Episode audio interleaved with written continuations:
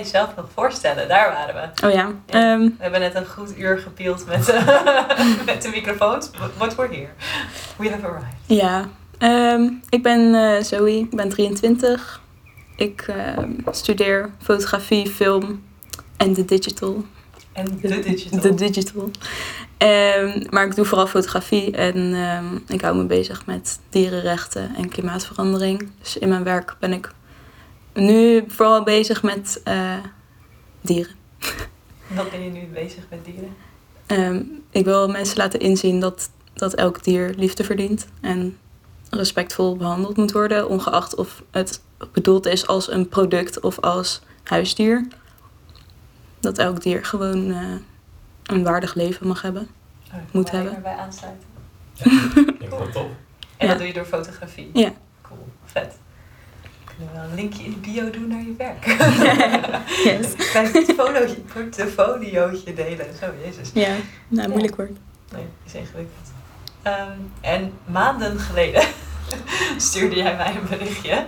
Ja, En toen allemaal covid-dingen en drukte en veel. Maar nu zitten we hier, eh, onderhand in Amsterdam. Eh, twee afleveringen geleden woon ik in Utrecht. één aflevering geleden in Rotterdam en nu in Amsterdam, want dat moest van Felix. Ja, hier komen jij. Felix is er ook bij vandaag. Ja, ik ben er ook. Mag ik nog even hallo zeggen tegen de mensen? Hallo mensen, ik ben er weer een keertje bij. Felix hoorde net zichzelf een paar keer in de opname en toen dacht hij dat hij zijn tweelingbroer heette, dus hij heeft even een identiteitscrisis. Ja, het is gewoon heel raar, want ik denk dan altijd dat het Max is. Ja, maar Ja. jij bent het zelf.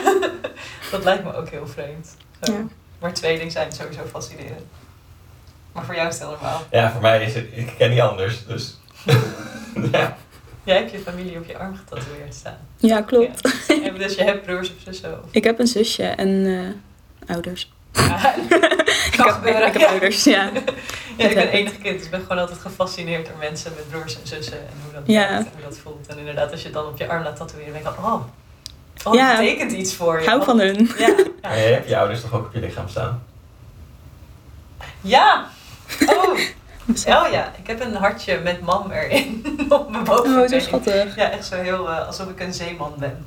Ja, en, en morsencode. Wat stop. En morsecode voor mijn vader. Nou, kijk, ik ben een- het heeft allemaal iets met een soort zeemansleven te maken.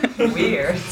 Ehm, ja, we zouden het vandaag een beetje gaan hebben over dat het eigenlijk aan het begin van niet monogaam zijn alles nog best wel spannend en pijnlijk is. En dat, nou ja, in jouw Ja. woorden was het, eh, iedereen zegt dat het makkelijk wordt, maar wanneer dan? Ja, ja, het is gewoon, je hoort elke keer van ehm, iedereen in de podcast in ieder geval van ja, het was op het begin eh, wel lastig, maar nu gaat het een stuk beter. En ik zit nog in dat lastige deel, dus ik dacht dat dat ehm, wel goed was om een keer vanuit zo'n perspectief dan te bespreken. Ja, cool. Want hoe ziet je situatie er ongeveer uit? Ehm, ik ben met Tobias al ja, in bijna vier jaar. En sinds negen maanden, denk ik, ehm, hadden we besloten om eh, in ieder geval een open relatie te hebben. En dat is toen snel richting polyamorie gegaan. Omdat dat beter werkte. Of nou ja, dat hadden we meer behoefte aan, zeg maar. Om ook een connectie met mensen te hebben en liefde te delen en zo. En ehm, relatie te hebben misschien met iemand anders. Maar dat is moeilijk. dat, eh, ik merk dat ik echt super eh, angstig daarvan word als hij met iemand anders is.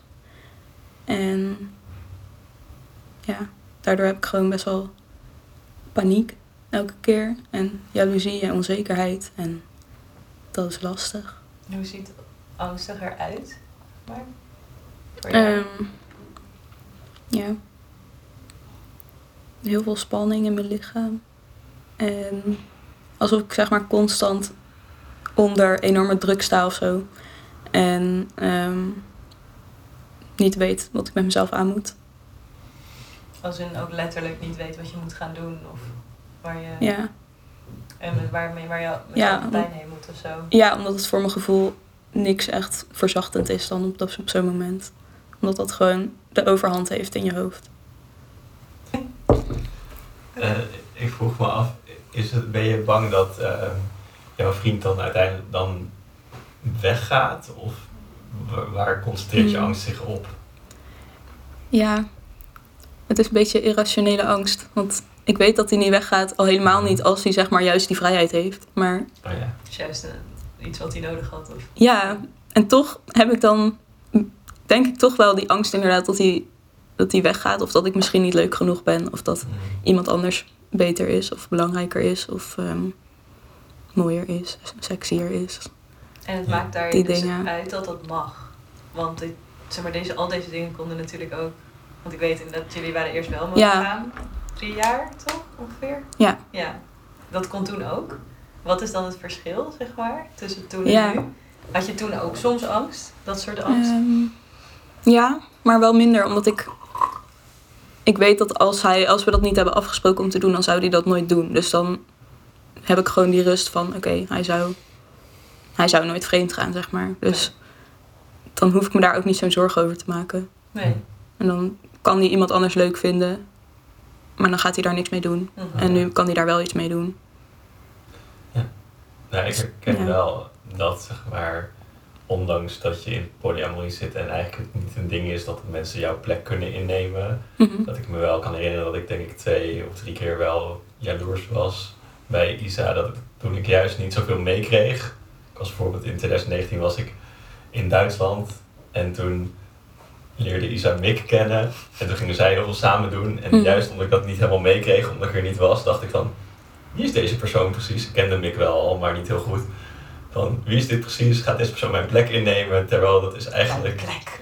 mijn plek bestaat in die zin niet echt in polyamorie, omdat je juist andere mensen kan zien en allemaal je eigen soort van plekje hebt en allemaal een andere relatie hebt. Maar toch Je hebt wel een soort van plek, toch? Ja, Je hebt een soort van je. Iets kan heel erg lijken op wat jij met iemand hebt. dat was ook inderdaad waarom. Het zijn vaak is het, bij, het eerder bij mensen die, ja, waarvan ik denk dat ze op mij lijken, Hm. dat ik denk van, maar waarom ben ik dan nog belangrijk? Hm. Ja. En dus ik herken die, die, dat herken ik wel een beetje, dat je dan denkt. Maar straks Straks ben ik niet meer nodig of zo. ik, ja, ja, precies. ja. Ja. ja. Hij komt toch ook uit een plek van. Ja, nodig zijn inderdaad. Of in ieder geval iets invullen wat iemand Ja. nodig heeft. Ja. Ja. Ja, ik heb volgens mij altijd een beetje die behoefte dat ik, dat ik wil dat mensen me nodig hebben of zo. Ik weet niet waar dat, waar, wat dat is. Is maar- dat dan een soort zorgzaamheid? Want zo klinkt het heel negatief als je het zegt. Maar, Ja, ik ben mega zorgzaam. ja. Ja. maar dat is ook wel iets Ja, heel dat is positiefs. een Dat is heel eigenschap. moois. Ja. Of ervaar je het negatief? Of ervaar je het als... Nee, het is, wel, het is wel iets goeds, denk ik. Denk ik. Misschien Ik weet het, ik weet het niet zeker, maar ik denk het wel. Want ehm, je zegt van ik zit hier nog middenin. Hoe gingen Ja. dan die eerste gesprekken daarover? En hoe merk je dan opeens, oh wacht, dus ik vind het vet stressvol. Ja, ehm, nou, het begon dus op het moment dat Tobias naar Amerika ging. En toen was hij een maand weg. En toen zei ik van tevoren, ja, als je daar iemand ontmoet of je wil wat doen, dan voel je alsjeblieft niet tegengehouden door mij en doe dat gewoon lekker. Want dat gun ik je. En toen eh, zei hij, oké, ja, dan, dan mag jij ook gewoon met mensen afspreken als je hier bent, want ik ben er ook niet. En dan, ja, dan, dan is dat ook leuk voor jou. Ja. Dus, ehm, wat was de vraag? Eh, hoe dat begon en of je toen meteen merkte dat je... Oh ja. Ja.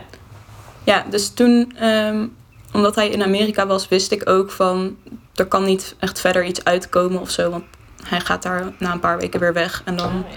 komt hij daar ook niet zomaar terug. Dus toen was die In angst. Mexico. Ja, toen was die angst een stuk minder, omdat ik. Ja, ik wist dat hij niet echt iets in die tijd kon gaan opbouwen met iemand of zo. Dus toen dacht ik, al, als het dan puur seksueel is, dan kan ik me daarbij neerleggen en dan vind ik dat prima.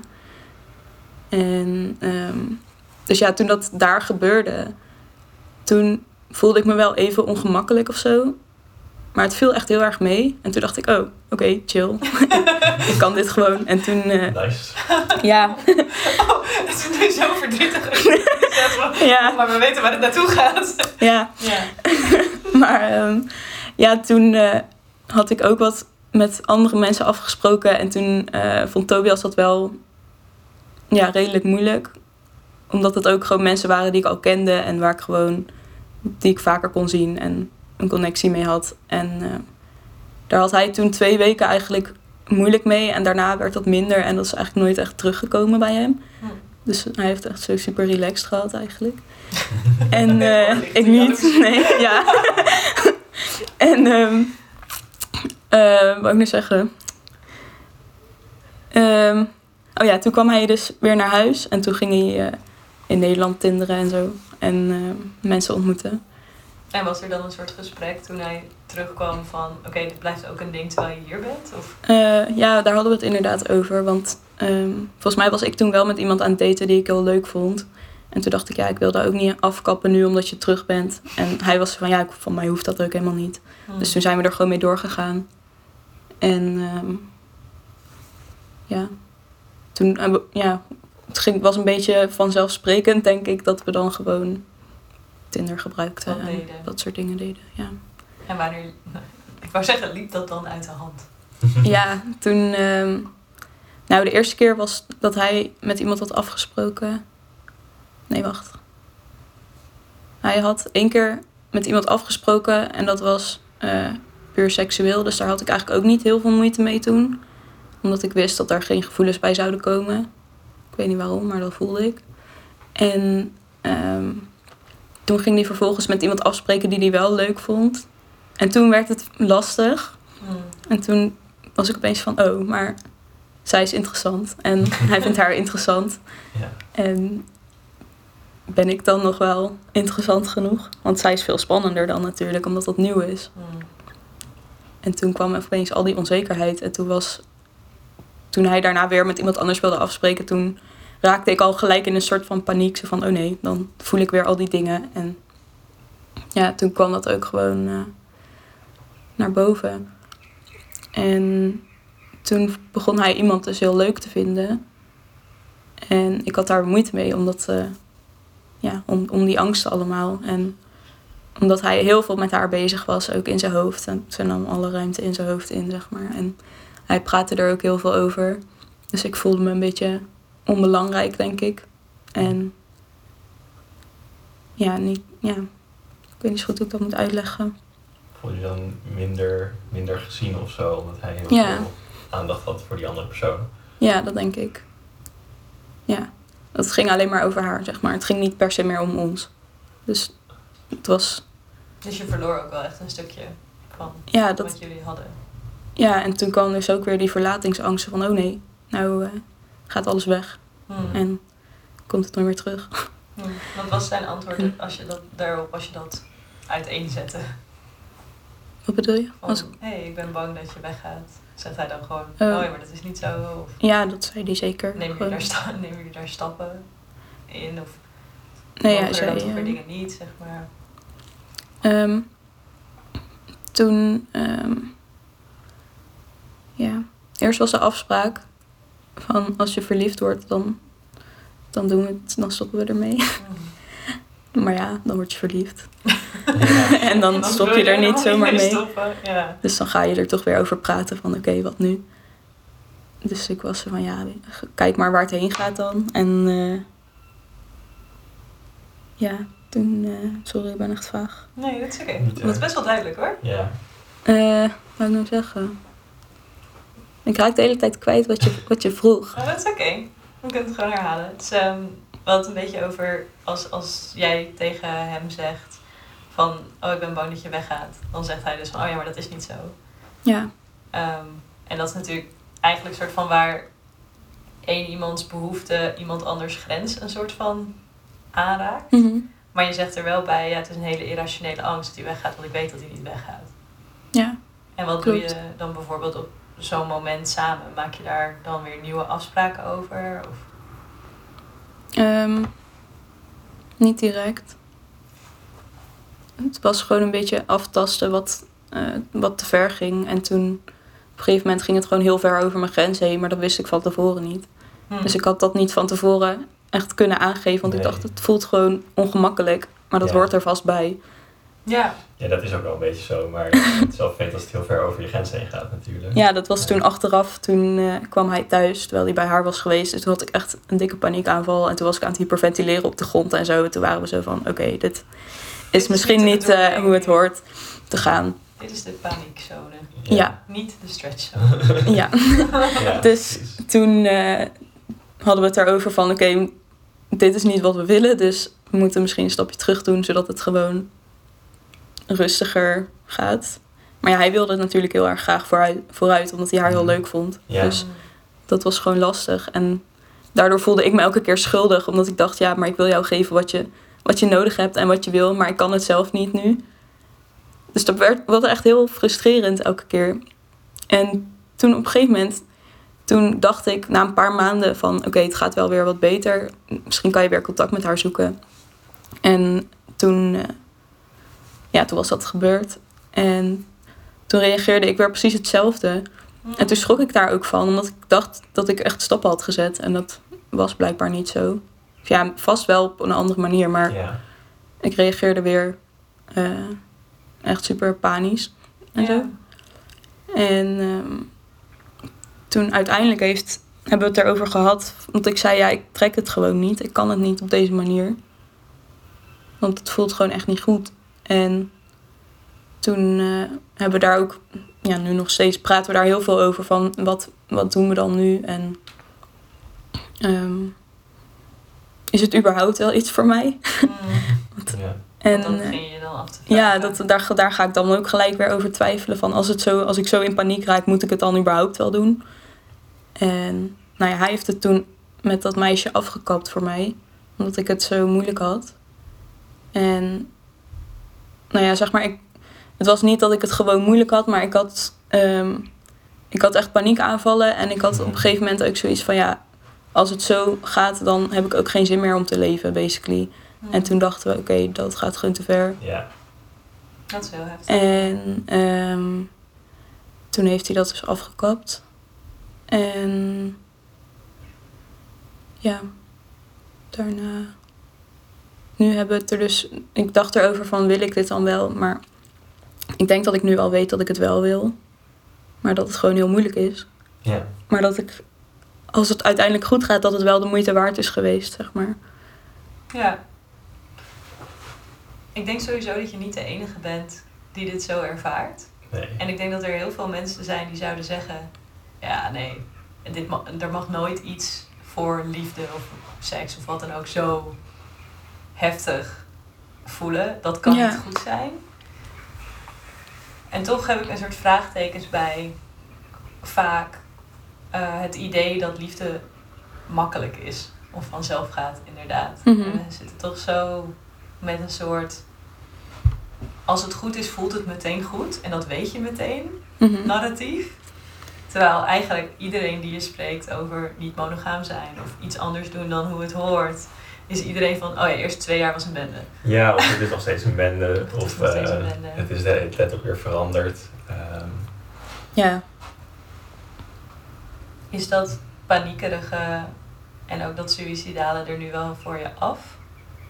Mm, dat paniekerige niet, maar Nee. dat andere wel. Ja, oké. Maar dat is ook omdat ik nu gewoon rust heb, omdat ik weet dat hij er geen haast meer mee heeft, omdat hij het heeft afgekapt. Want hij wilde daar heel graag, zeg maar, plankgas opgeven, zeg maar. Ja, wil gewoon gaan. Ja, en ik drukte de rem in. En mhm. nu hoeft dat niet echt meer. Of in ieder geval niet bij haar. En ehm, ja, ik voel gewoon iets minder druk. Ik voel nog steeds wel druk, omdat ik weet dat hij het heel graag wil. En Ja. ik wil, hij, het is gewoon moeilijk voor hem, omdat hij het niet zo lang zo moeilijk heeft gehad. En ik wel. ja, Ja. precies. Dus Ja, want hoe verhoudt het zich voor jou dat je zeg maar zelf ook dingen wil met andere mensen? ehm, ja, ik heb daar op zich ook wel behoefte aan. Maar het voelt voor mij niet altijd als een noodzaak of zo. En hij zegt dat dat bij hem wel zo is. Dus ja, Dus Ik, dat voelt eh, anders. ja, het voelt anders, maar het is allebei prima. Maar ik heb er af en toe wel behoefte aan, natuurlijk. Daarom denk ik ook dat ik het überhaupt wel wil. En ik wil het ook voor hem, omdat ik wil dat hij gelukkig is. Heb je een soort beeld van wat, de, wat stappen zouden zijn die je zou willen zetten hierin? Ehm, Met de angst of met het nou ja, ik heb openbreken? Of... ik, ga, ik heb me aangemeld voor therapie omdat ik gewoon denk dat het dieper zit dan dit. Dat, ik heb gewoon mijn hele leven al angst, verlatingsangst. En ben al heel mijn leven super onzeker. Dus ik dacht misschien dat dat, als ik dan aan mezelf kan werken, dat dat in mijn relatie ook eh, verbetert. Hopelijk. Ja, ik, ik denk ook dat ehm, als het zo heftig is, dan kan je het ook niet zomaar met rationele Nee, precies. Het, is, het wordt gewoon ook fysiek. Dus Ja, dus dan denk ik inderdaad dat je ook niet van jezelf kan vragen om dat zeg maar, zelf op te lossen met rationele argumenten. Dat zou ook wel heel knap zijn. Als, je, als het Ja. zo over je grenzen heen gaat en je gewoon paniekaanvallen krijgt en zo. mhm. Ja, en zeker als je zegt van... eh, ik dacht dat ik stappen had gezet, maar toen raakte ik weer in paniek. ja, Dan is het dus... Waarschijnlijk had je gewoon stappen gezet. En was Ja. het ook beter geworden. ik denk het ook wel. Ja, Maar er zit dus blijkbaar iets onder wat heel hardnekkig is. En, ook, Ja, precies. en soms... Ik bedoel, hersenen leggen ook gewoon paden aan. En soms is dat ook nog gewoon een overgebleven iets van vroeger. Dat het gewoon is van, oh, dit is weer dezelfde situatie als een paar maanden geleden. Dus hier is je paniekaanval. Ja, Dat kan ook, maar als je er echt nog steeds inderdaad bij wijze van spreken van wakker ligt en er heel erg mee zit, dan, dan zit er waarschijnlijk iets achter waar je iets mee kan. ja. Dus dat wil ik graag ontdekken. Ja, dat lijkt me een goede manier om te doen met therapie. Ja, maar ja, dat duurt lang. Wachtlijsten zijn heel lang nu. Ja, Oh, Dus, ja. eh, ja, ja. Ja. Oh, dat is wel verdrietig, ja. dus dat is ook wel moeilijk, omdat ik gewoon... Ik wil ook gewoon graag dat het zo snel mogelijk gewoon goed gaat, weet je wel. Maar dat moet ik ook niet willen per se, want daardoor zet ik mezelf weer onder druk. ja. oh ja. En ja. dat werkt allemaal niet. Door druk word ik alleen maar extra paniekerig. Dus dat, ja, ingewikkeld. Ingewikkeld. Ingewikkeld. Ja, het feit dat je, dat je zo irriteert dat het is wat je hoofd doet, zegt ook wel iets over het wel echt willen, volgens mij. Ja, Ik denk dat genoeg mensen zouden zeggen, wow, dit doet vet veel pijn, dit ga ik niet doen. Later. ja, klopt. Ik ben wel echt een doorzetter ook, denk ik. Ja. Ja, je lijkt ook wel vrij overtuigd wel van oh, polyamorie is wel iets wat ik wil en Ja, ik vind het ook gewoon logisch en het goed. En ja. het is, ik vind het veel logischer dan monogamie, zeg maar. Mhm. Dus denk ik, ja, ik wil dat gewoon doen. Maar ja, het is dus niet zo simpel als gewoon even doen. Nee, zeker niet. Nou, je bent... Dat had ik ook niet verwacht hoor, maar Nee. Ja. Ja, maar doe het dan. Sommige mensen dat wel verwachten. Want dat het gewoon hetzelfde gaat voelen ja, misschien wel. als andere liefde. Zeg maar, oh, dat doe je gewoon. ja. Of raak gewoon niet zo in paniek. Doe Nou, gewoon even normaal. Doe gewoon even rustig. Lekker simpel gezegd. Ja, Ja. nee, het is moeilijker gedaan. Ja. ja, en, en waar ligt het, het, het lijntje tussen... ehm, oh, ik ga dit voor het eerst doen en mijn vriend is voor het eerst bij iemand. Eh, dus uh, tuurlijk ben ik een beetje ongemakkelijk of voel ik spanning. Of, Ja, maar ik ga even hardlopen en een boek lezen en dan gaat het wel weer. En het is het, I'm, eh, I'm doing the right thing, zeg maar. En inderdaad pure paniek ja, die niet te overkomen is. En wanneer, ik bedoel, dit is een vraag die mij heel erg bezighoudt. Wanneer mag je zeggen, dit is een absolute grens en daarom beperk Mhm. ik jouw behoeften? ja precies. Dat, daar zit ik ook heel erg mee. Want ik wil niet... Ja, Dit antwoord? Ehm nou ja, hoe wij het doen is zeg maar er zo over hebben dat het voor ons allebei een soort van oké voelt, maar niet eh, als de perfecte oplossing. En dat het ook niet voor ons allebei voelt als een kwelling of zo. Dat het, ehm, ja, hoe doen we het?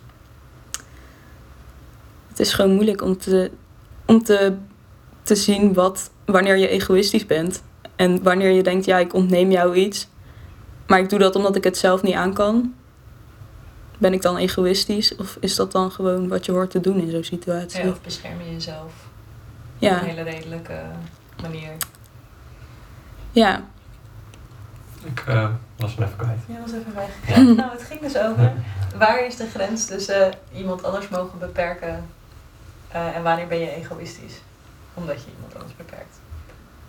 Ehm, ja, ik denk in jouw geval zo dat, dat als je echt hele ernstige paniekaanvallen hebt en ehm, echt eh, daardoor gewoon in een hele negatieve spiraal terechtkomt, dan dat zou ik wel zien als van, ja, dit werkt op dit moment in ieder geval, is in ieder geval niet wat we willen. En dat vertel je ook dat jullie daarop ook uitkwamen van, dat is, want dat, ehm, dat zou ik wel zien als dan is eigenlijk iemand is eigenlijk gewoon echt op een hele nare plek en dat wil je gewoon sowieso niet.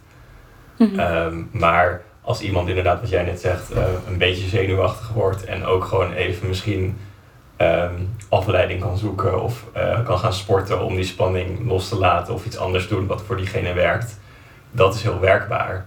Ehm, en dan zou ik niet per se zeggen, oh dan mag die andere niet met mensen daten als dat hun behoefte heel erg is. Want behoefte is niet per se minder belangrijk dan een grens van iemand anders.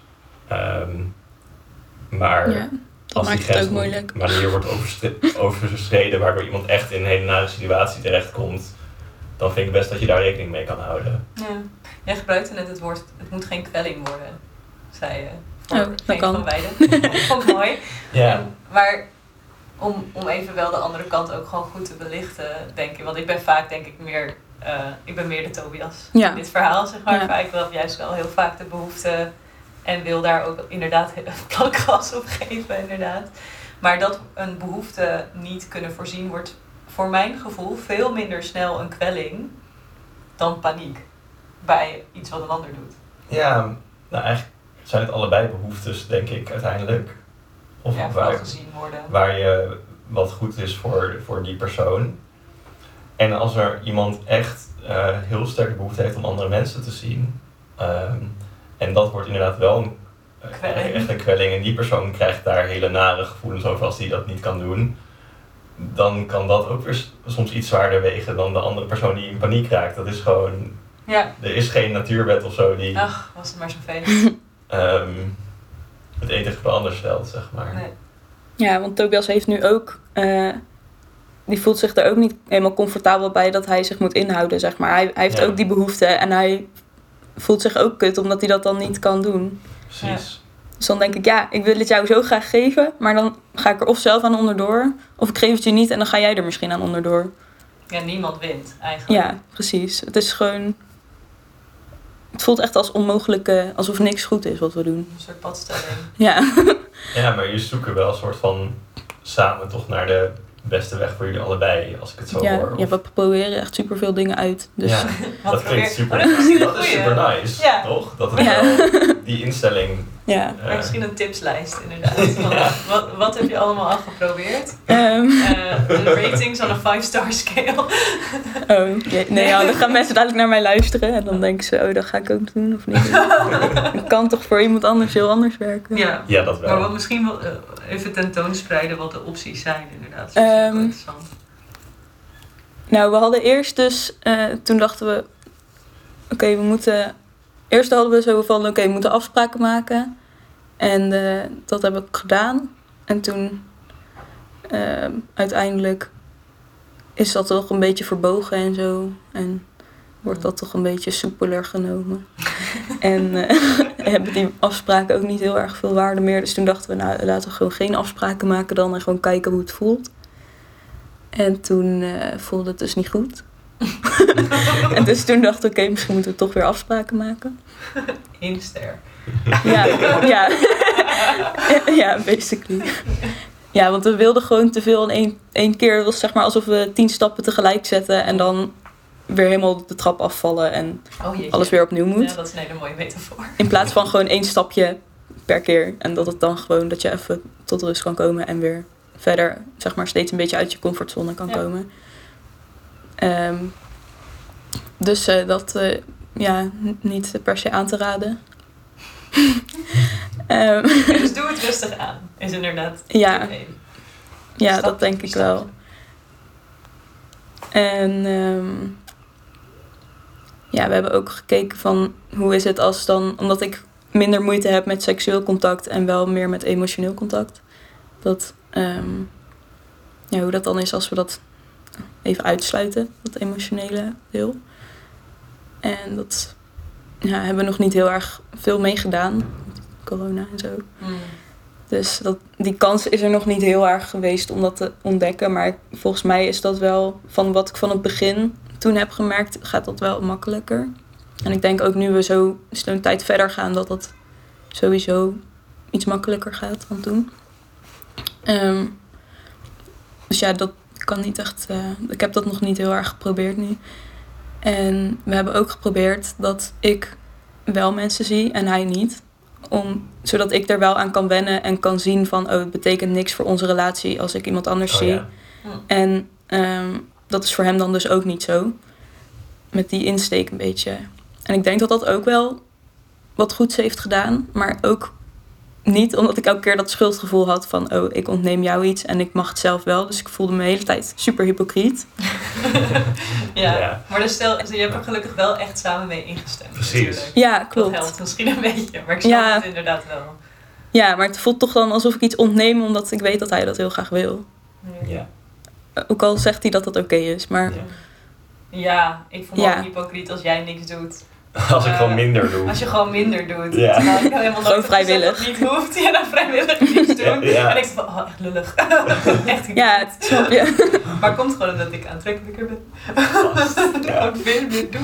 Ik, heb, ik heb helemaal geen haar hier. Nee. Ik probeerde zo. maar er zit hier niks. Nee hoor, Ja. jij bent ook heel leuk. Mensen willen je daten. Ik doe het gewoon niet. Ja. Wil je wat vertellen over je Ja. probleem wat je de laatste tijd inzag? Dit is ook therapie voor jou. Oh ja, nou dat wist ik al langer hoor. Ehm, dat ik, nou dat is, eh, dat ik nog steeds bang ben als ik iemand zeg maar ehm, contact met iemand opneem en dat het soms zo'n soort van, soms denk je, oh ik neem contact met deze persoon op en dan heb je dat, het komt gewoon een beetje uit het niets zeg maar. Dan Mhm. zie je iemand in je telefoon staan of je, en dan heb ik het idee dat ik het helemaal aan Isa moet uitleggen op de een of andere manier en dat het anders leidt tot heel veel vragen en achterdocht. En daar heb ik dan geen zin in. En dat gebruik ik dan als een soort excuus van, oh laat dan maar zitten, dan ga ik die persoon ook niet appen. Ehm, Ja. en dat is dan een soort van ergens de weg van de minste weerstand of zo, terwijl er misschien die weerstand helemaal niet is. Ehm, We hadden het hier over in de eh, bonus feestdagen aflevering. En toen hadden Mick en jij het hier een beetje met elkaar over. Inderdaad, Mhm. van oh, ik ben gewoon bang dat het gedoe wordt, dus ik doe maar niks. ja, Ehm, en toen hadden wij laatst een soort doorbraakgesprekje. Weet je dat nog? Op de bank bij jou? ja. Ja? Wat was daar in de doorbraak? Ik wil de mensen helpen. Ehm, nou, dat je gewoon wel mensen moet appen. Ehm, want anders gaat het gevoel nooit weg. Je moet denk ik ehm, bij allerlei dit soort angsten eigenlijk, ehm, die dus met een soort sociale angst te maken hebben, gewoon de dingen waar je bang voor bent gewoon doen. Want anders is het is nooit zo dat je, dat je rationeel gaat denken ineens, oh nee, maar er, er is niks aan de hand, dus nu ga ik het doen. Nee, het is andersom. Je moet het Ja. eerst doen en dan merken dat er niks aan de hand is. ja, je moet dat echt ervaren. Ehm, Dat is het, denk ik. Ja. Ja, ik wou dit ook even aanhalen, omdat je hierin denk ik heel goed het verschil kan zien tussen angst waar je inderdaad gewoon langzaam overheen moet zetten. Ja. En angst die het, zich het recht behoudt om even te zeggen, oh nee, hier is de stopknop. ja. En ik denk dat Ja. daar, dat die vraag heel ingewikkeld is, maar wel goed is om jezelf soms te stellen, zeker aan het begin als je net ergens polyamorie of otherwise enge dingen aan begint, om te vragen, is dit een angst die ik een week volhoud? Mhm. Of is dit iets Mhm. waar ik me een beetje overheen kan zetten of een beetje stapjes in kan nemen? En ik denk dat dat heel erg fout kan gaan. Ook als we bijvoorbeeld tegen mensen die zeg maar, een paniekaanval hebben omdat iemand bij een nieuwe partner is geweest, gaan zeggen van nee, maar daar moet je gewoon overheen zetten, want dat is Ja, dat- polyamorie, dat is niet oké. En dat werkt ook niet zo. Dus Nee, ja, dat is best wel demotiverend of zo. best wel. Best wel, eh, Ja. ja. ja, het is misschien een lastige, lastig onder, waar ligt het onderscheid precies. Maar ik zou zeggen in het geval dat je echt heel erg in paniek raakt en daar echt weken last van hebt, dat dan de angst wel iets zwaarder weegt misschien dan, dan de behoefte van de andere persoon op dat moment. Ja. Ehm, ja. En dat je dan uh, laat, iets later wel weer kan kijken naar de behoeften van die andere persoon. Maar en als het iets is waar je, als een soort sociale angst is, waar je gewoon door een beetje met dingen te oefenen of inderdaad even goed nog een keer met jezelf te gaan zitten, een beetje overheen kan komen of met iemand anders te praten, ja, dan weegt het misschien niet zwaarder dan de behoefte van die andere persoon om mensen te zien. Eh, dan, zou ik dat, dan kan je dat niet echt eisen, denk ik, of zo. Want dan moet je ook gewoon met jezelf aan de slag, zeg maar, of met je partner, of Mhm. wat het beste werkt. Ehm, maar ik zou dus niet zeggen, dus het is nooit het een of het ander wat altijd zwaarder weegt. Het ligt echt wel aan de situatie, denk ik. Ja, zeker. Oftewel, we hebben weer geen simpele oplossing. It's never easy, Go to therapy. and then try. And then try. Maar jullie, ja, wat ik wel Ja. hoor, is dat jullie heel veel dingen samen soort van in overleg Ja, proberen. we praten echt superveel ook En dat klinkt echt heel goed eigenlijk. Ehm, ik denk dat er heel- best veel mensen zijn die daar nog niet eens zijn. Ja, communicatie is zo belangrijk. Of zo. Ja. Ja. Het is echt belangrijk om gewoon, eh, dat hebben wij ook echt nodig hoor, om gewoon heel duidelijk tegen elkaar te zijn en alles te kunnen zeggen. En ook gewoon eerlijk te zeggen. Ja, hij heeft ook wel eens tegen mij gezegd van ja, ik weet niet, als we, als we echt monogaam zouden zijn, weet ik niet of ik wel bij je zou willen blijven. En dan denk ik, ja, dat is, snap ik. dat snap ik, maar dat is wel moeilijk om te horen. Maar ik vind het wel fijn om dan, dat we dat wel gewoon tegen elkaar kunnen zeggen, Ja. allemaal. ja. Is het iets wat ooit door je heen gaat wat je zou willen? En dan door bijvoorbeeld zo'n opmerking niet durft voor te stellen? Monogamie? Ehm, ik durf alles voor te stellen. Dus dat. nee, maar. Ik, we kunnen overal over praten, dus het, ik kan het altijd aankaarten, zeg maar. Maar. Dat heb ik ook laatst voorgesteld trouwens. Oh, hoe ging dat? Ehm, nou ja, toen zei hij dat dus. Oh, toen zei nou, Toen zei hij nou. Op, het kan nu misschien. Misschien dat ik dat nog een jaartje vol zou houden. Maar ik weet niet of ik dat. voor Op de lange termijn zou ik dat niet willen, zei hij volgens mij. hmm. En dat snap ik ook wel. Ik wil dat eigenlijk ook niet op de lange termijn. Maar ik was gewoon een moment dat ik twijfelde van... wil ik überhaupt wel eh polyamorie en zo. En zo. Zit je Ja. hier? Ja. Ja. Ik denk dat best veel mensen die twijfel soms nog hebben ook omdat gewoon monogamie is gewoon de standaard die je aangeleerd krijgt. Dus dat, dat Ja. is zo hard erin geramd en dat blijf je ook. Ook als je eenmaal polyamoreus leeft, zie je dat natuurlijk in films en alles. Het blijft gewoon de standaard die je steeds. ja, en het gaat altijd krijgt. fout, eh, wat je ziet. Dat ook. Het gaat nooit goed. Zelden. In films bedoel ik dan. Ja. Ja, Het echte leven ook niet echt superveel. Nee, dus Ja. we moeten natuurlijk herdefiniëren wat we goed vinden. Als Ja, je oké. 20 jaar heel gelukkig samen bent en daarna werkt het niet meer. En je zo gaat met is het dan fout elkaar. Dat is niet, Ja. een echtscheiding ja dan kan ook fout. gewoon je, je Ja. veranderen. Ja. Ja, precies. Het gaat ook wel inderdaad over de, het hele idee van voor altijd samen blijven is de enige manier die goed is. Ja, In plaats van een paar jaar genot is ook heel leuk. Maar, ja, maar ja dat vind ik wel moeilijk hoor. Wat dan? Dat dan, Het idee dat het zou kunnen eindigen. ja, Mm. en dat het oké is. En dan denk ik, ja, dat is ook zo. Maar dat is zo pijnlijk. Ja. Ja, terwijl als het natuurlijk echt niet meer werkt, dan werkt het niet meer.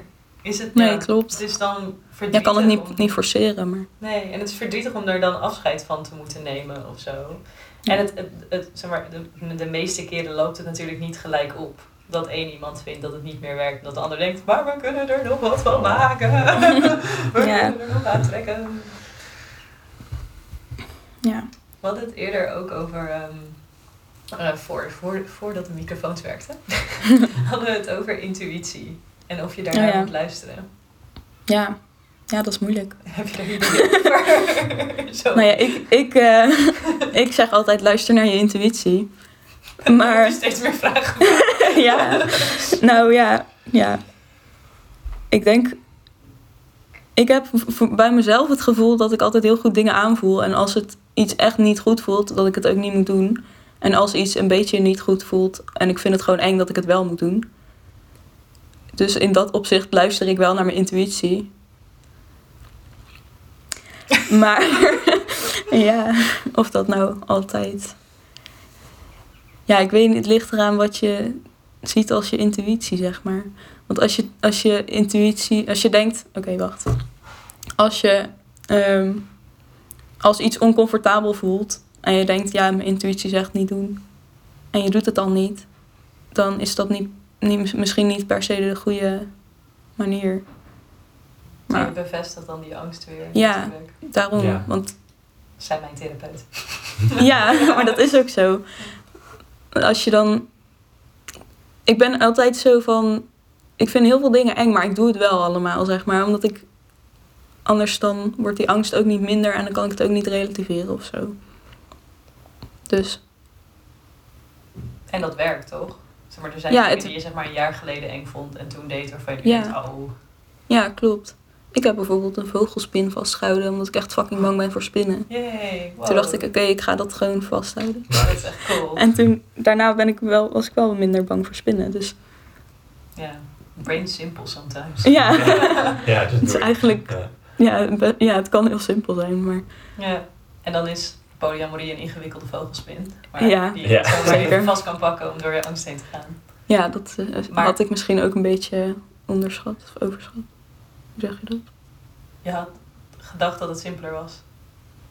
Ja, misschien. Dat het net als een vogelspin zou zijn. Ja, Ja. dat het eng zou zijn en moeilijk, maar dat, het dan, dat ik dan merk, oh ja, gaat toch goed. En Ja. het komt wel goed. Is dat dan ook omdat je dacht dat je misschien er meer positieve dingen voor terug zou krijgen of zo? En dat het eigenlijk alleen maar Hmm. dread en zwaarte was? Of? Nee, ik heb ook wel positieve dingen uit kunnen halen. Het is niet alleen maar kut geweest. Nee. Ik heb ook gewoon hele leuke dingen gedaan. En, eh, ja, ik snap het gewoon niet.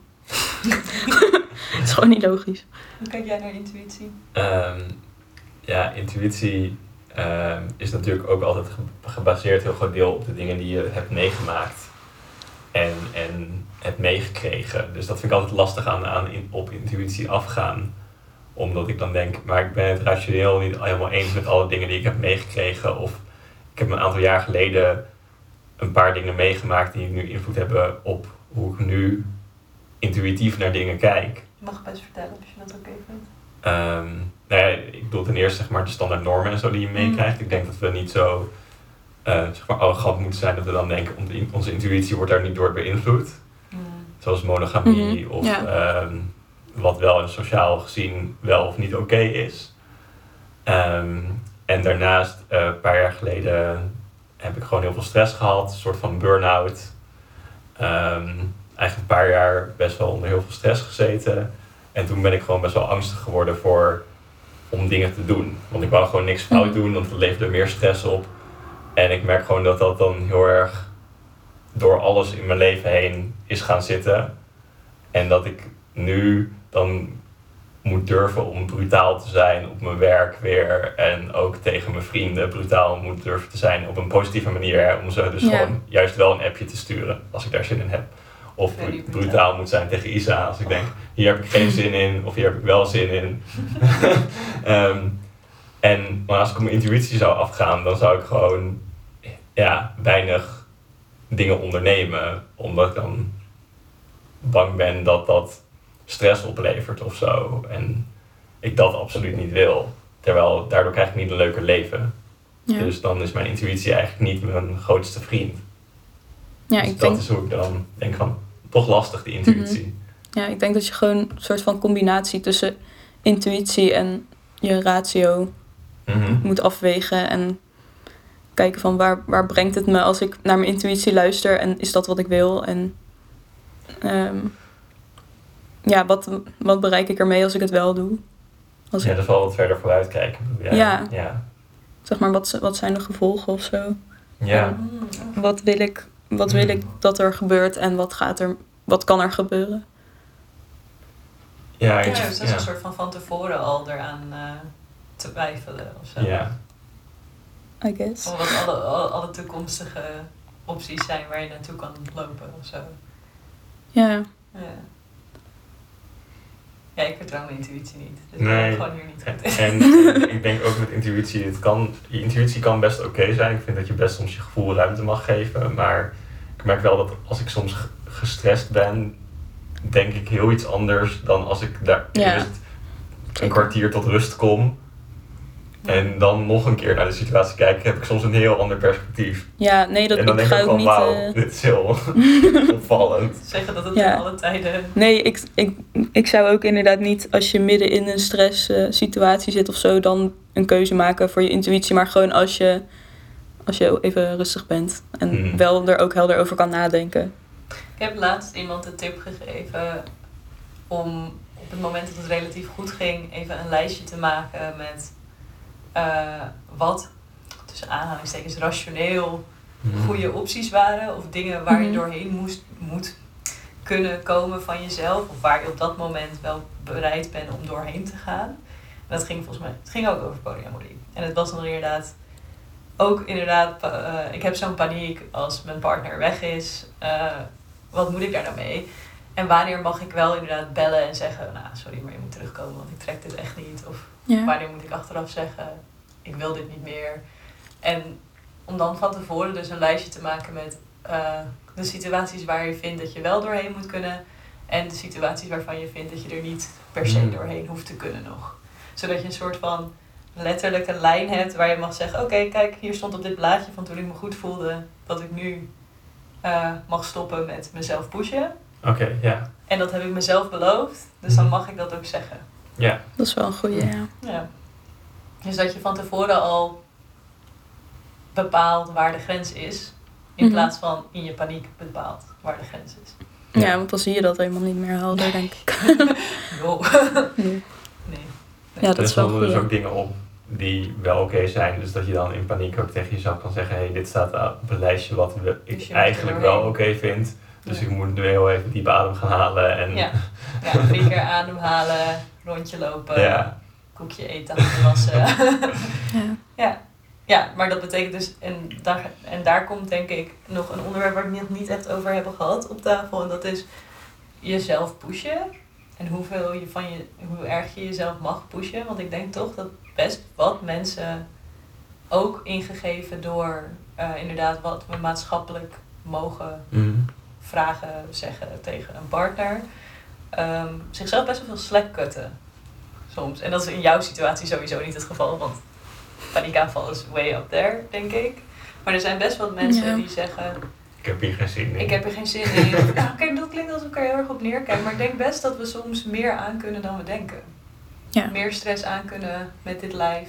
Ja, er dan zijn ook allerlei opties. Je kan ook aan die kijken van... Ik, eh, waar komt die stress nou eigenlijk vandaan?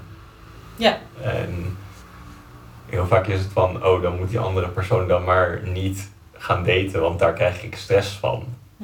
Ja, je krijgt Ja. ook stress van je werk waarschijnlijk. Op sommige momenten. ja Ja, dan kan je ook stoppen met werken.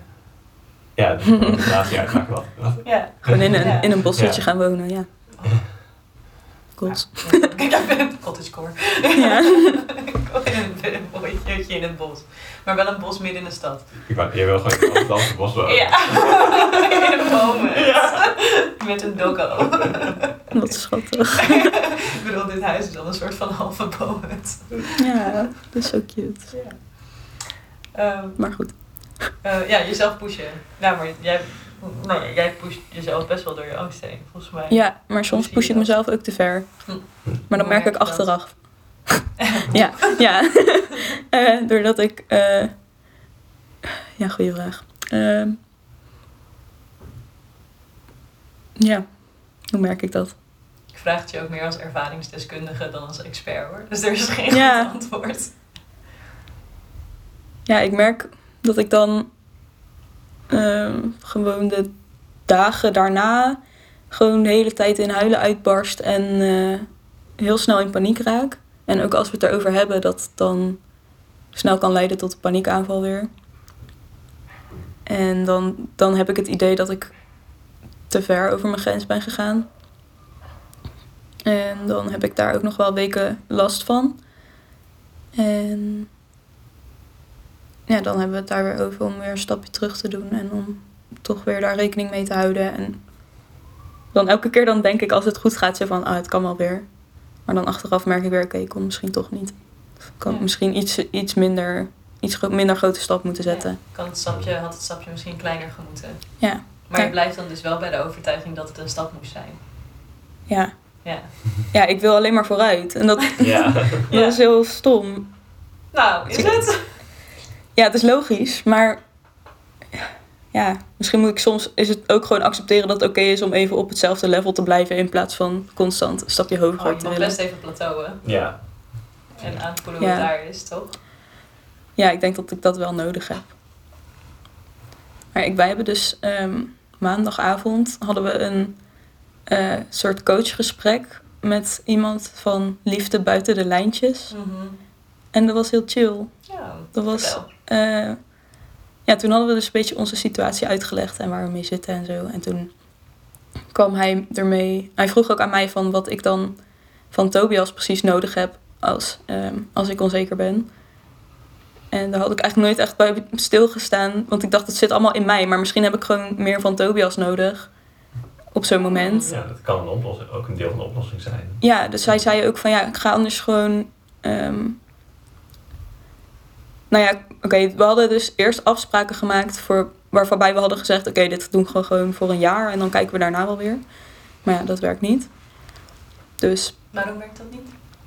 omdat dan na een maand voelt opeens iets niet goed, of dan, dan denken ja, dan moeten we het er toch weer over hebben, omdat het dan ja, toch een beetje wringt. En dan ehm, ga je weer die afspraken een beetje veranderen. En toen zei die man dus van maak gewoon afspraken voor twee weken bijvoorbeeld. En dan ehm, kijken wat, wat denk je dat je in deze twee weken aan kan. En dan hou je je daar aan en dan kijk je na die twee weken weer verder. Van de volgende twee weken of misschien hetzelfde of iets minder of iets meer. En dat we Goeie. nu samen aan het Ja. kijken zijn wat dan kleine stapjes zijn die we kunnen nemen om, ehm, om zeg maar iets rustiger uit onze comfortzone te gaan.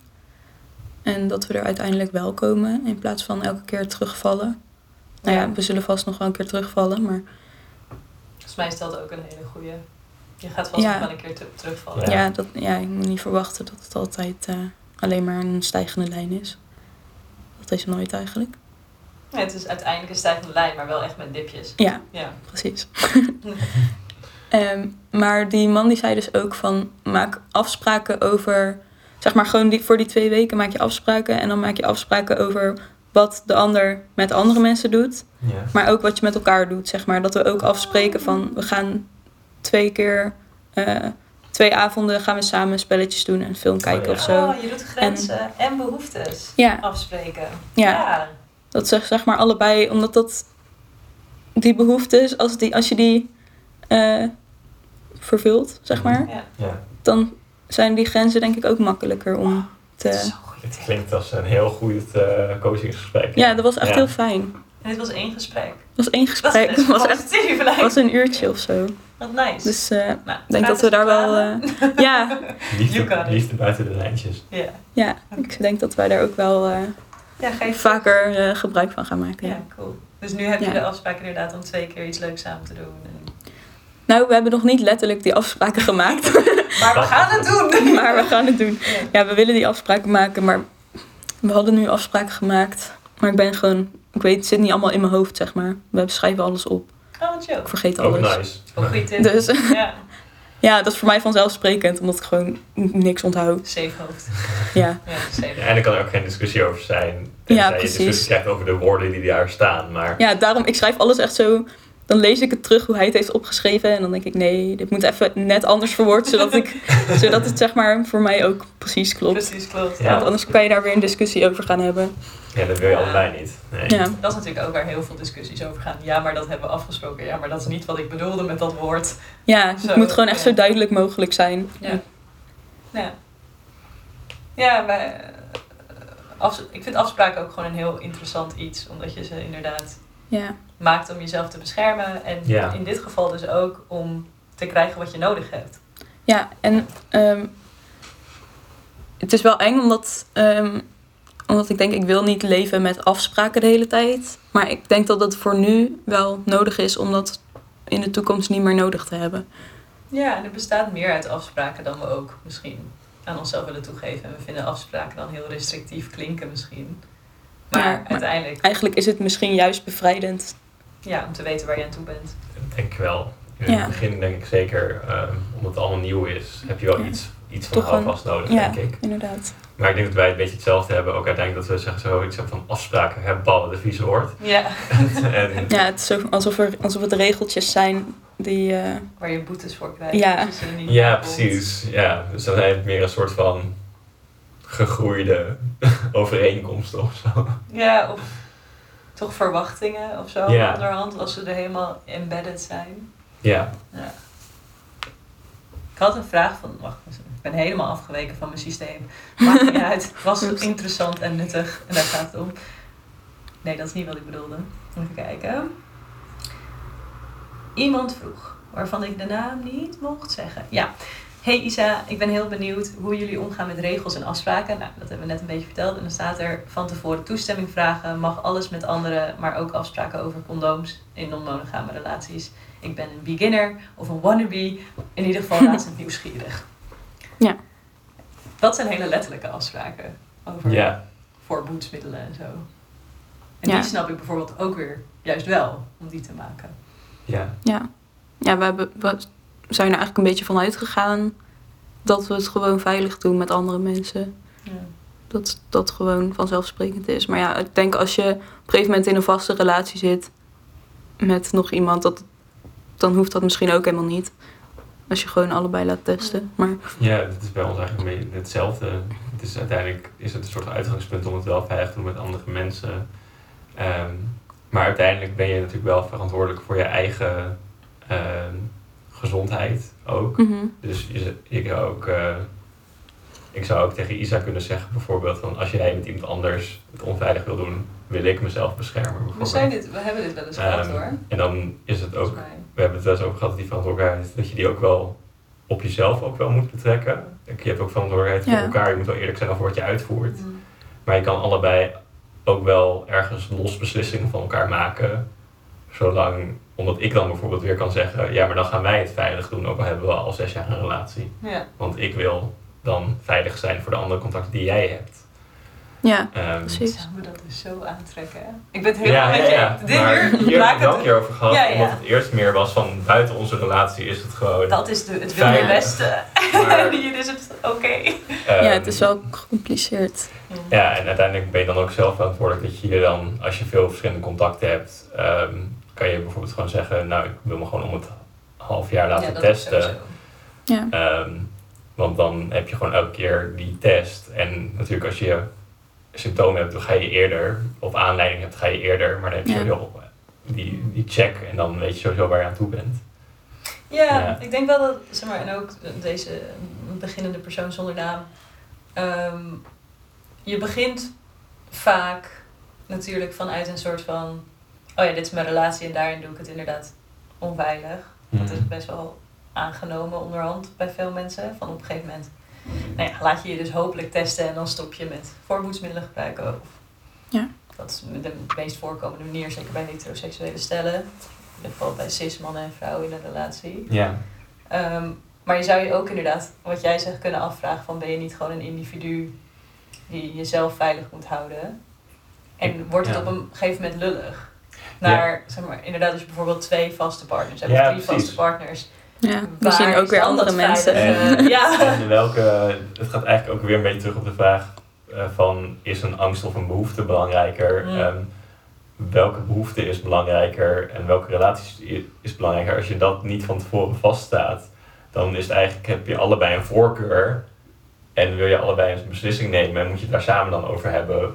Wat doen we precies? Ja. Ehm, te- en als je, dus je kan het van tevoren afspreken. Het is wel makkelijk om een soort van uitgangspunt te hebben. Merk ik dat je in je relatie die je al langer hebt onveilig doet en daarbuiten dan in principe Of de veilig. relatie waar je het meest seks in hebt. Ja, Die vind ik altijd wel dat, handig. dat is ook Mhm. Ja, of, ja. of die inderdaad. Maar uiteindelijk kan je het daar natuurlijk wel weer over hebben. Hmm. Dat dat verandert om een bepaalde reden. Toch zou ik het me aantrekken. Oh, dit is een van de weinige dingen waar ik dan een beetje ben van, huh, maar hoe zou we dat van mij wegnemen? Omdat je... Ja, ik zou er wel mee, ik zou er mee instemmen. Ja. En ik zou er oké mee zijn. Maar iets heel diep in mij gaat. Ik ben minder belangrijk. Iemand wil voorboedsmiddelen met mij gebruiken. Ik ben minder belangrijk. Dat slaat nergens op. Ja, ik heb altijd die weirde, die weirde onzekerheden. Oké, wat zijn de... eh, over ja, van tevoren toestemming vragen. Is dat iets Oh, wat ja. jullie nu doen? Is dat een... Eh, ja, nu wel. En eerst niet? Ehm, nou ja, we waren een beetje van. ehm, als iets gebeurt, dan gebeurt iets. En dan ga je niet eh, voordat iets gebeurt nog even appen of zo. Dat, ja, dat is logisch voor ons in ieder geval om, om dat niet te doen. Maar eh, als, we, als ik weet dat hij met iemand praat en dan, dan vind ik het wel fijn als hij vraagt van ja, vind je het goed als ik dan volgende week met haar afspreek? En dan, Mhm. ja, dan zeg ik ja, is goed. Of eh, nee, vind ik eigenlijk heel moeilijk. Ja. En op die manier doen we dat wel, maar niet, niet zeg maar als we ergens zijn en er gebeurt opeens iets. Nou ja, daar heb ik wel moeite mee, want dat, dat is laatst gebeurd. En toen, eh, toen dacht ik, oei, ik heb, ik heb niet... We hadden het er eigenlijk over gehad dat we niks zouden doen nu, zodat ik even tot rust kon komen. Maar ja, dat gebeurde gewoon. En, ehm, Oh no. en toen dacht ik, oei, toen voelde ik me echt vet schuldig. Terwijl ik weet dat het eigenlijk gewoon oké is. En eh, eh, ja, toen, dat was wel gewoon het eerste wat ik zei toen ik thuis kwam. Van ja, dat is gebeurd.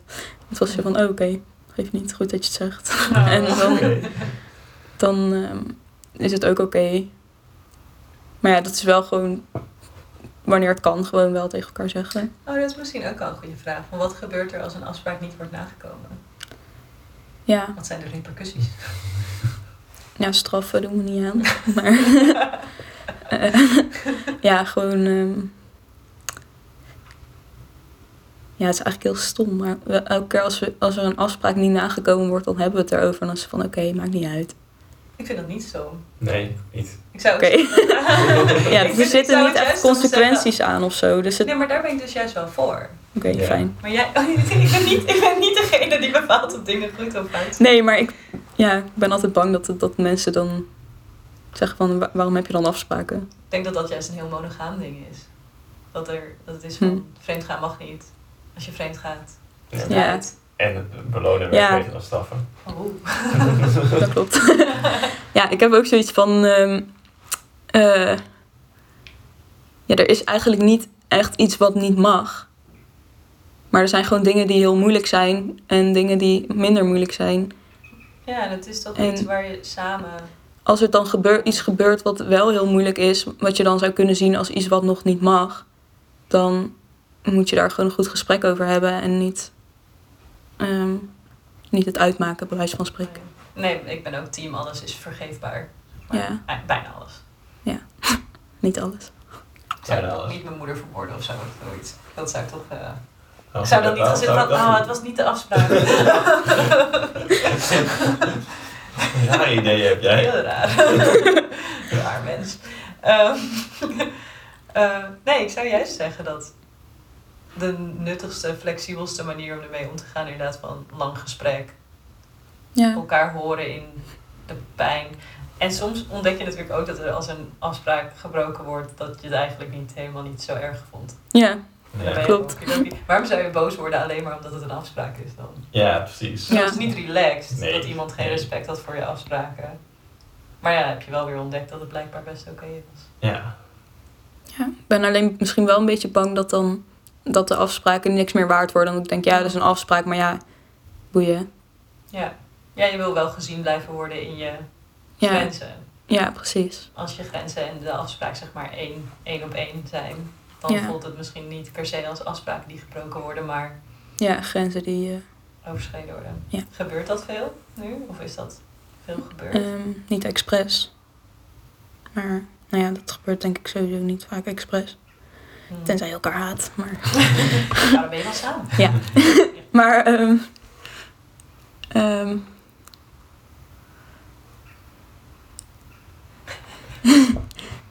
Wat zei je Of nou? het gebeurd was, dat je eh, grenzen overschreden werden. En dat je daardoor nu bang bent dat, ze, dat de afspraken minder waard worden. Hmm. Weet ik niet. Komt niet gelijk een voorbeeld naar boven. Maar het is gewoon een angst die je hebt dat je afspraken... Ja, misschien meer omdat ik misschien eerder grenzen overga. Of afspraken niet helemaal nakom. Omdat ik weet dat het voor hem minder belangrijk is dan voor mij. Omdat ik, nou ja, minder belangrijk. Omdat hij daar... Hij heeft er niet echt moeite mee. Maar het is meer zo van, oh, het is eerlijker als we het gewoon allebei zo doen. Als we precies gelijkmatige Ja, afspraken Wat ik ook niet helemaal weet of dat, of dat wel Hmm. precies eerlijk is. Maar Ja. Ik weet niet of het gaat om eerlijk. Kijk, zolang je allebei het gevoel hebt dat je eerlijk wordt behandeld en wordt gezien, ehm, Ja. is het misschien ook gewoon goed om te doen wat werkt voor jullie. In die zin. Eh, en het klinkt alsof jullie daar de hele tijd wel mee bezig zijn. Ja. Dus of het Ja. dan de hele tijd gelijk moet zijn, dat, dat weet ik niet. Of dat, Ik snap het wel. Dat Ja. je zegt van, dit zijn de regels van onze relatie. En niet, dit zijn jouw regels. En dit zijn jouw regels. Dat Mhm. je ze loskoppelt of zo. Maar het kan Ja. natuurlijk wel. Je kan dat ook gewoon doen. ja, dat deden we eerst dus wel. Maar nu hebben we het weer meer als één geheel. Zo van, we gaan nu even niet daten met andere mensen. Maar ja, nou is hij ook weer zo van, ja... Als je dan die persoon waarmee iets is gebeurd, dan... Als je dan toch wel wil afspreken, ja, dan mag dat wel. Dan moet je dat maar gewoon doen. En dan vind ik dat ook prima. Maar dan staat er wel tegenover dat ik ook met iemand anders kan afspreken. Mm. Oh, maar hij gebruikt het wel als een soort van, oké, maar als jij het ook mag doen, mag ik het ook. Ja, zo doet hij nu een beetje. Oh. En ik weet niet zo goed wat ik daarvan vind. Oh, ik weet ook niet wat ik daarvan vind. Ik zei, ik zei dus eerst van ja, ik weet niet of ik dat eerlijk vind, want ik snap het wel. En ik snap dat je dat wil en voelt. Maar het is wel vanuit een ander oogpunt, zeg maar. Het is bij mij zo omdat ik gewoon basically mijn leven niet meer zie zitten. En jij hebt gewoon zin om met iemand anders iets te doen. En dat vind ik niet heel erg vergelijkbaar of zo. Hmm. En dan zegt hij ja, maar voor mij is het ook heel moeilijk om niemand te mogen zien als ik daar wel behoefte aan heb. Dus hij heeft daar ook moeite mee.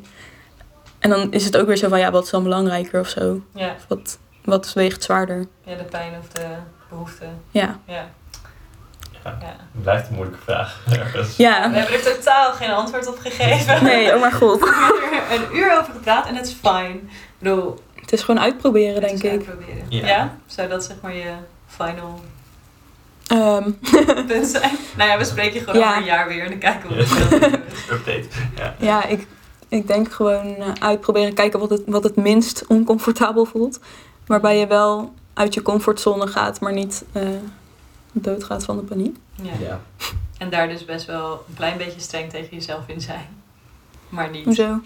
Ja, een klein beetje van, je mag er wel een beetje oncomfortabel van worden inderdaad. Ja, Wat jij zegt. ja. Ja. Het is logisch dat het, dat het niet natuurlijk voelt, want het is gewoon hoe we zijn opgevoed of zo. Mhm. Ja, en het kan denk ik best lang duren voordat het natuurlijk gaat voelen. Mhm. Ja, denk het wel. Ja. Ja. Hoe lang heeft dat bij jullie geduurd? Toch wel drie jaar of zo, denk ik. Voor jou. Ja, maar ook wel omdat we dan weer andere afspraken hadden met Nico. En ehm, Ja. dat er dan. Dus het voelt elke keer ook weer anders, omdat er ook weer andere mensen ehm, bij komen. Waarmee je net weer andere afspraken maakt, of in ieder geval andere omgang hebt. Waardoor het elke keer als weer iets anders voelt. Ja. ehm, waarover je het ook weer moet hebben. Ehm, Ik denk dat ik wel op een gegeven moment dus echt het besluit heb genomen om ehm, te zeggen, dit zijn mijn behoeften en als je daar niet mee om kan gaan, dan is dat jouw probleem. Niet tegen jou, nee, nee. want jij kon er altijd best wel oké mee omgaan. Ja. Maar toen ik veel, ik was ook toen een tijdje dat ik veel nieuwe mensen aan het daten was en dat Ja. dat allemaal niet zo lekker liep. En dat was eigenlijk altijd omdat ik al was van, dit is gewoon polyamorie en ik doe gewoon dingen. Dat ik zeg maar niet meer met nieuwe mensen weer rustig elk stapje kon gaan doorlopen. Nee, nee, nee, nee. Ehm, Van if you want to jump on the ride, it's fine. Ja. but This is my ride. en niet my ride, maar de trein rijdt al. Ja, Zeg maar, mijn polyamorie is al op, Ja. op de rails. Zeg maar. Ja. Ik kan niet. Ik, ik realiseerde me toen opeens dat ik niet mensen aan hun handje meer mee kon nemen. Dat ik, dat ik niet meer aan het ontdekken was, Ja, maar dat ik al het gewoon aan het doen was. En dat, dat voor mij daar een aantal eisen aan vastzaten. Mm. Ik date toen een tijdje iemand die het ook echt nog. Ja, nog zeg ik dan, dat is wel heel fout, want het maakt een soort hiërarchie in. Maar eh, zij vond het ingewikkeld als ik met uitgaan gewoon met heel veel mensen zoende. Terwijl dat voor mij al zo, zo ver achter me lag. Dat Ja. dat mocht en kon. En ja, mocht was Ja. al een raar concept geworden, zeg maar. ja Want niemand precies. bepaalde meer wat ik wel en niet deed. Nee, nee, nee. Ik liet het gewoon weten. Ja, precies. Oh, dat is ook lastig. Wat? Dat is ook lastig. Dat gaat ook nog allemaal komen misschien. Help. Komt allemaal op jou. Ja, dat kan. Het hoeft niet. nee. Ik denk dat er Ja. ook heel veel mensen zijn die wel heel goed mensen aan hun hand kunnen meenemen. Eh, maar ik weet dat ik toen tegen haar was van... Oh, ik heb allemaal leuke mensen gezoend. En dat zij was van... Wow, waarom vertel je me dit? Ik vind het echt Adi. En dat- toen viel bij mij het kort van... Oh, er is een groep mensen die ik niet meer kan daten. Maar die wel aan polyamorie wil doen. Ja, Maar maar die Ehm. niet... Waar, ik kan dat niet Ja. levelen. nee, precies. Voor jou is het veel opener nog dan voor hun of zo. Ja, ik heb het hier wel eens nu met Mick over. Dat het best wel bijzonder is dat het nog gelukt is om een relatie met Mick te ontwikkelen na vijf jaar polyamorie.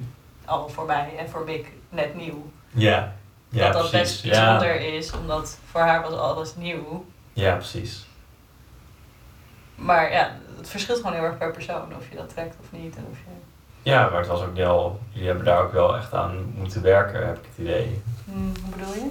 Nou, omdat eh, er best wel monogame noties nog in zaten bij Mick, ehm, waar jij best wel veel moeite mee had ook. Hmm, heb je een voorbeeld?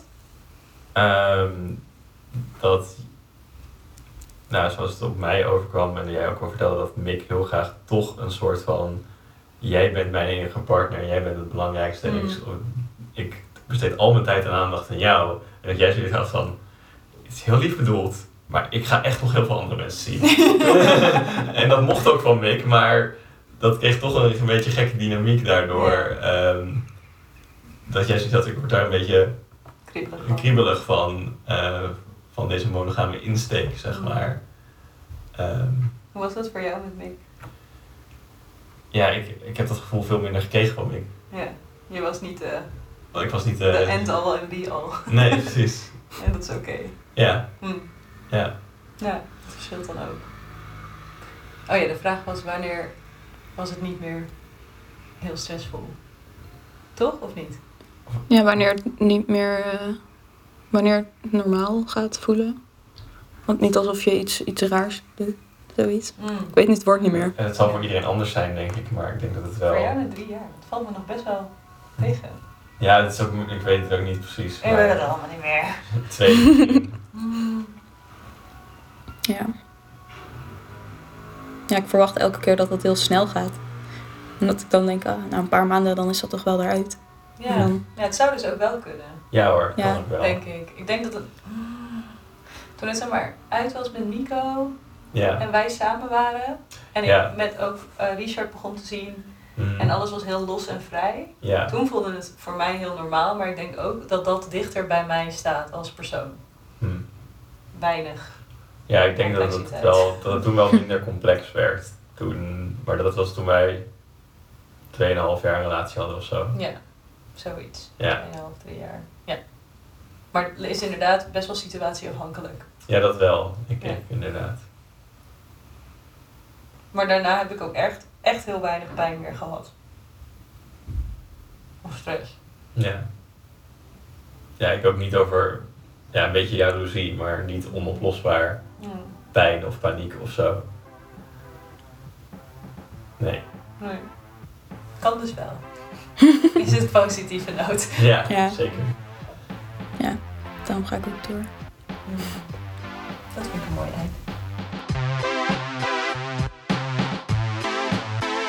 Bedankt voor het luisteren naar de Polian podcast. Heb je zelf een vraag of wil je een keer aanschuiven om iets te bespreken? Stuur dan een DM naar de podcast op Instagram. Wil je de podcast op een andere manier steunen? Dan kan dat via Patreon. Dat is een platform waar je makers kan steunen met je geld. Deze podcast wordt geproduceerd en geredigeerd door mij, Isabel Jensen. Je andere rolerende hosts zijn Felix Kievit, Richard Leurs en Mick Noordkamp. De edit ligt bij Joris van Grunsven. En de jingles komen uit het muzikale brein van Puk van der Made.